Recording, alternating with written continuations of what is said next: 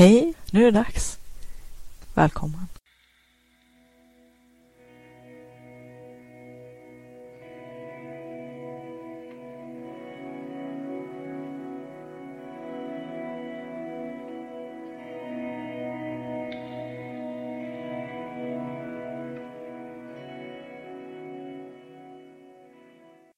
Vill du uppleva mera kreativitet och flow, få mer kvalitetstid till ditt skapande och kreativa liv, mer energi och lust, tillgång till dina kreativa superkrafter? Då har du kommit helt rätt. Välkommen till Kreativitetspodden. Hoppas att du ska ha en trevlig lyssning. Hej! Nu sitter jag i mitt pärlbord igen och eh, tänkte göra en eh, podcast. Ytterligare en podcast. Och eh, idag tänkte jag prata om att vara sitt autentiska jag. Det låter ju väldigt djupt, men egentligen är det ganska enkelt. Jag tänker på hur vi genom eh, olika transformationer i livet ändrar saker. Vi ändrar ju hela tiden saker. Och vi gör ju det för att hela tiden korrigera vår kurs mot det vi vill. Det vi vill med våra liv. Dit vi är på väg. Och förhoppningsvis för att kunna vara lite mer autentiska. Lite mera oss själva. Och det är ju som jag ser det väldigt viktigt att hela tiden ifrågasätta. Vart är jag på väg nu? Och varför? Många gånger har jag ändrat kurs ändrat inriktning. Vissa saker hänger ju med hela tiden. Och det har jag ju pratat om i förra podden. Det här med skapande till exempel. Skapande och kreativiteten, den har alltid följt mig. Om jag inte får skapa så vissnar jag.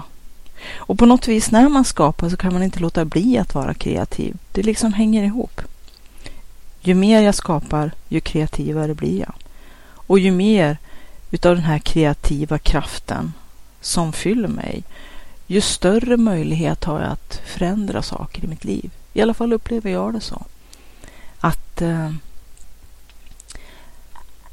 man blir kreativ inte bara på ett område. På ett vis kan man tänka att man sitter här vid sitt pärlbord och filosoferar och det är ju ganska ganska avslappnat och eh, utan krav helt enkelt.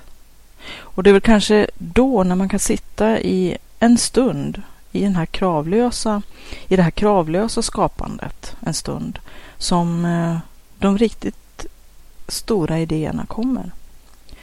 Så har det ofta varit för mig att eh, försöker jag verkligen stenhårt att pressa fram någonting kreativt eller någonting som ska vara speciellt då är det himla svårt.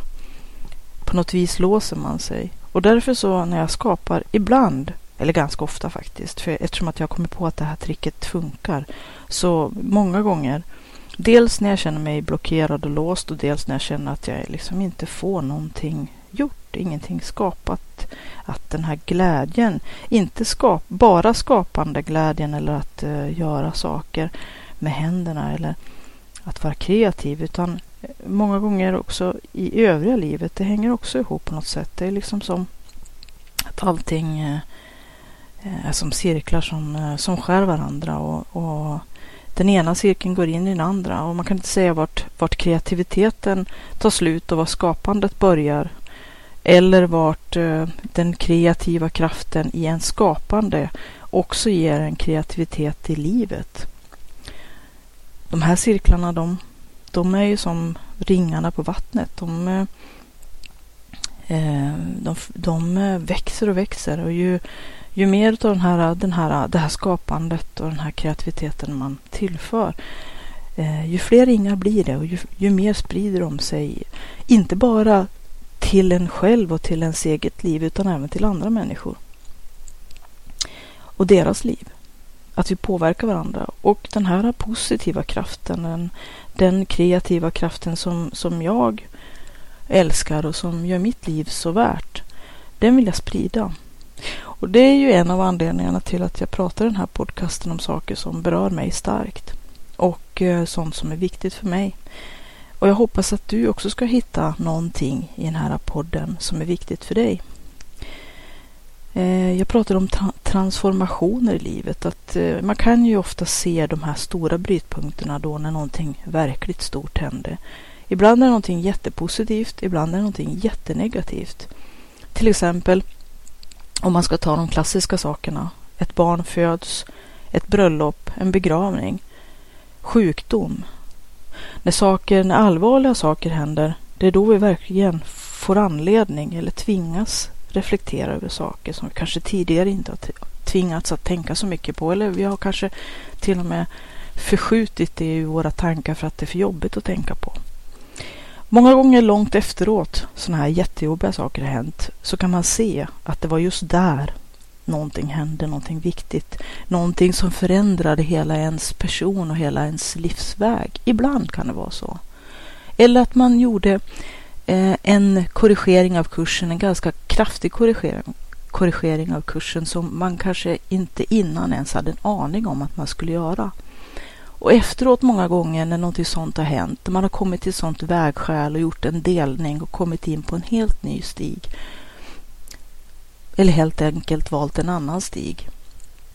Gjort nya val. Så kan man komma på långt efteråt att om inte det här ganska omvälvande, oftast ganska, inte alltid, men eh, en hel del gånger när det har hänt stora saker så har det varit startskottet har varit någonting riktigt negativt. Någonting som har förändrat vårt sätt att tänka och känna och finnas på riktigt liksom. Och på sätt och vis så är det ju aldrig kul när sånt händer. Men efteråt så kan man tänka, i alla fall har jag tänkt så många gånger, att om inte det och det hade hänt, som just då när det hände var så fruktansvärt förfärligt och rent av gräsligt. Om inte det hade hänt så hade inte jag gjort det och det, inte fattat de och de besluten, inte träffat de och de personerna, inte tvingats, inte tvingats ur de bekvämlighetscirklar som jag då tvingades ur. Ofta handlar det ju om det, att magin sker ju utanför våra bekvämlighetscirklar. Våra comfort zones, som de säger på engelska. Och vi lämnar ju sällan våra bekvämlighetscirklar om vi inte har riktigt starka skäl. Och på ett vis kan jag tänka att det är ju lite dumt att det måste vara stora, ja, inte alltid, men som sagt ganska många gånger relativt negativa saker som, som ska förändra oss, som ska tvinga oss utanför våra bekvämlighetscirklar. Är inte det lite onödigt egentligen? Borde vi inte göra små utflykter utanför våra bekvämlighetscirklar nästan jämt? I alla fall nästan, åtminstone som jag tycker, en gång i veckan. Kan ju vara en bra idé. Det behöver inte vara något stort. Det kan ju vara stora saker ibland, men det räcker med att ta en ny väg till jobbet, äta, testa en ny måltid, en ny, en ny maträtt. Träffa någon person som man annars inte skulle ha träffat. Utsätta sig helt enkelt för någonting som man annars inte skulle ha gjort. Jag har ju skrivit, det hade jag inte gjort till förra podcasten. Jag har ju faktiskt skrivit en liten minneslista på saker som jag tänkte jag skulle prata om i den här podden. Nu sitter jag och pillar med mina pärlor här. Jag har eh, lite hängen framför mig med eh, sötvattenspärlor och Swarovski-kristaller som glittrar väldigt, väldigt vackert. Och jag har några fina bärnstenshängen som jag också är ganska nöjd med. Jag ska väl göra några stycken till tror jag. De var ganska kula att göra faktiskt. Och eh, ja, jag hade som sagt skrivit en liten lista över saker som jag tänkte prata om i det här avsnittet. Eh, och jag har redan eh, smitit lite grann utanför ramarna för det lilla manuset. Men det kan man väl också kanske tänka sig att det är lite grann att vara utanför sina bekvämlighetscirklar, att prata helt fritt. Jag är ju van att prata inför folk, så att eh, det här med att prata inför folk, det är inte så himla svårt för mig när det är större grupper av människor. Jag håller föreläsningar och kurser om alltifrån data och IT-teknik till Photoshop och Illustrator och Indesign och en massa saker. Men även om, om järn. Jag har pratat mycket om järn för olika grupper. Men det är skillnad när man har personer framför sig som man pratar med. Jag har alltid tyckt att det var ganska mycket svårare att prata, spela in sin röst faktiskt och höra sin egen röst. Det är jätteobehagligt för mig. Och eh, jag eh, eh har ju blivit intervjuad vid ett antal tillfällen och eh, även blivit eh, filmad av en dokumentärfilmare som gjorde ett reportage om eh, Hällkärnsprojektet och eh, våran forntida järnframställning där. Om du vill veta mer om det så kan du gå in på www.hellkärn.se med e H-E-L-L-T-J-E-R-N.se Heltjärn. Eh, och det tog faktiskt flera år innan jag tittade på den dokumentären som han hade gjort. Dokumentären handlade inte bara om den intervjun med mig och med de som var aktiva då när jag blev ordförande i föreningen. Det är en ideell förening för övrigt. Men eh Eh, från eh, faktiskt hela föreningens historia från start och den utvecklingsväg som hade eh, varit fram till dess, tills när jag tog över som ordförande. Men det tog flera år innan jag kunde förmå mig själv att titta på den filmen för att om någonting är jättejobbigt så är det att höra sin egen röst. Och om någonting är ännu jobbigare så är det att eh, se sig själv eh, på film, inspelad. Men det märkliga var att när jag till slut tittade på den filmen så var det inte så fruktansvärt som jag hade föreställt mig. För märkligt nog så föreställer vi oss saker och ting som så mycket värre. Och ju mer vi får föreställa oss i förväg, desto värre blir det. Vi bygger upp högre och högre mentala murar. Och det är det som är så dumt faktiskt. För jag tänker att en del av mina kursdeltagare, speciellt när det gäller datorer, de har byggt upp otroligt stora sådana mentala murar som bara växer och växer och blir bara högre och högre och till slut så är det nästan omöjligt att, att uh, forcera dem. Och det handlar inte om hur svårt det är att till exempel lära sig Photoshop eller något annat program i, eller någon, någonting inom datorer och IT-svängen egentligen, utan det handlar om att man har, man har byggt de här mentala murarna. Och det är vi ju jätteduktiga på.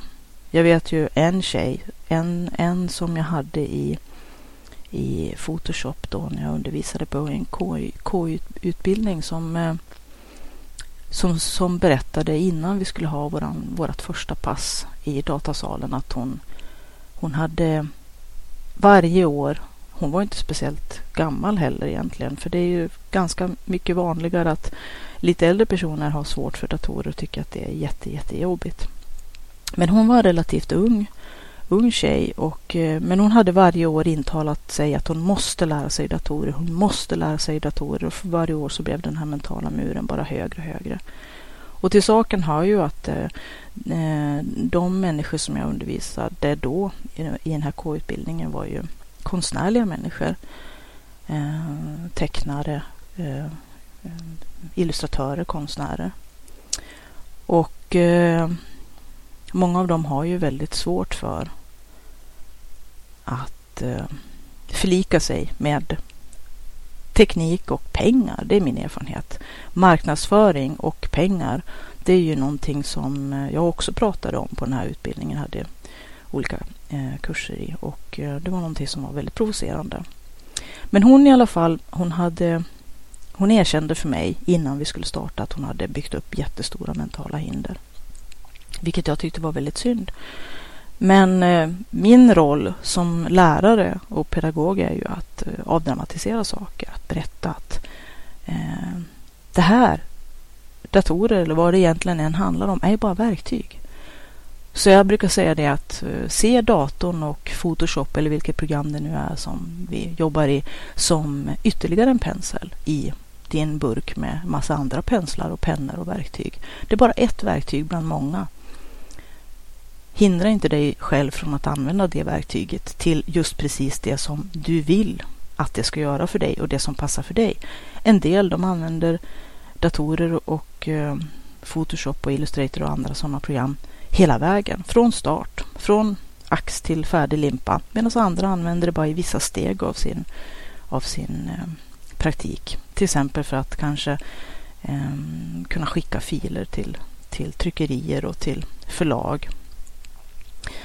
Men eh, hon satte sig i alla fall vid sin dator i datasalen och startade Photoshop och det var helt, helt fantastiskt att se henne verkligen komma loss med alla verktyg i Photoshop. Att så fort den här första rädslan hade liksom eh, kämpats ner så såg hon alla de användningsområden som fanns.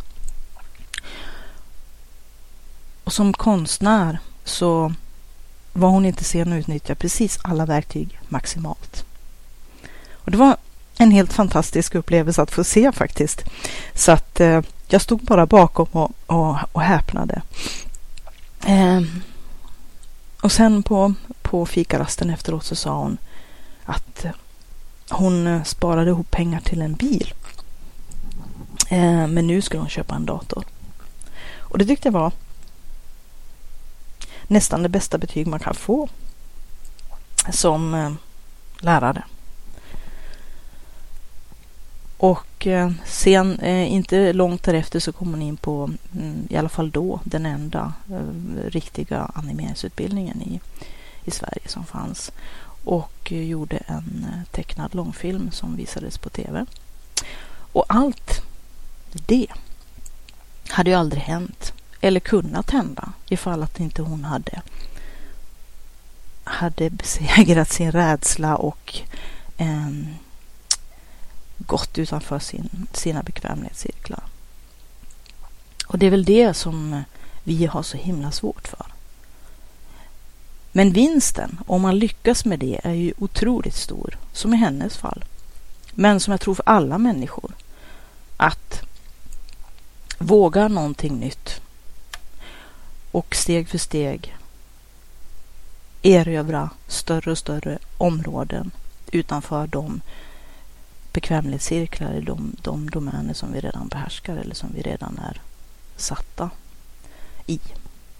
I de sammanhang där vi känner oss trygga och där vi känner oss säkra och där vi ja, tyvärr inte heller utvecklas så mycket eftersom att det inte ställer så höga krav på oss. Vi gör ju bara det vi redan kan eller det vi redan är duktiga på eller det vi redan känner oss orädda eller trygga eller och så vidare och så vidare. Så att eh, jag skulle vilja uppmuntra dig att våga utanför dina bekvämlighetscirklar. Vilka det nu är, det vet jag inte.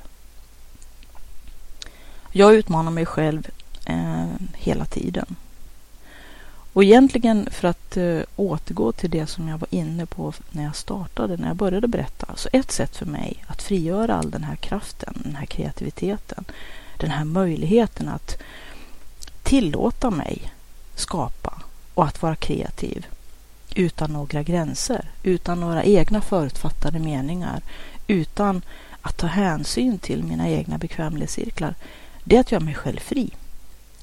Och det gör jag genom att tillåta mig, både när det gäller pärlande och skrivande, i all skapande verksamhet, så sätter jag mig ner och bara öser. Som hon gjorde då när hon startade Photoshop och hade kommit över sin första rädsla för det här nya verktyget utan några som helst eh, begränsningar. Utan att tänka att det finns några gränser för vad jag kan eller, eller vad jag får. Så länge det inte skadar dig själv eller skadar andra förstås. Så kör hårt. Det är mitt råd. Tack för att du har lyssnat på den här podden. Hoppas den var till mycket nytta och glädje. Om du vill läsa mera om Siddharta, gå in på www.siddharta.se Z-I-D-D-H-A-R-T-A.se. Där finns också kontaktuppgifter så att du kan till exempel mejla om du har frågor eller kommentarer eller vill ta upp något ämne som du gärna vill höra på podden i framtiden. Välkommen att höra av dig.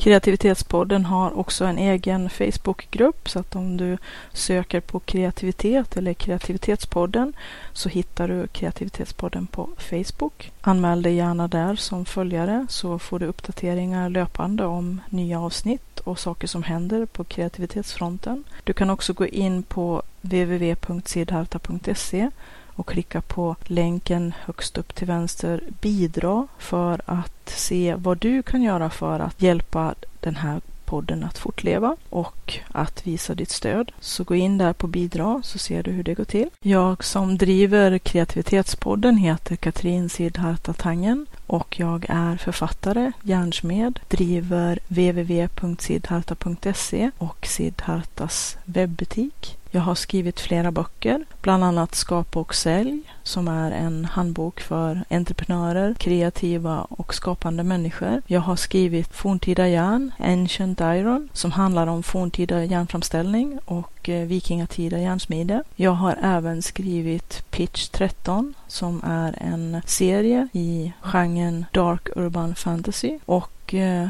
nu finns även ljudboken för kreativitet och flow enligt Siddharta. Allt detta kan du hitta på www.siddharta.se där du också kan gå in i butiken, Siddhartas webbshop, där böckerna kan köpas till bästa pris.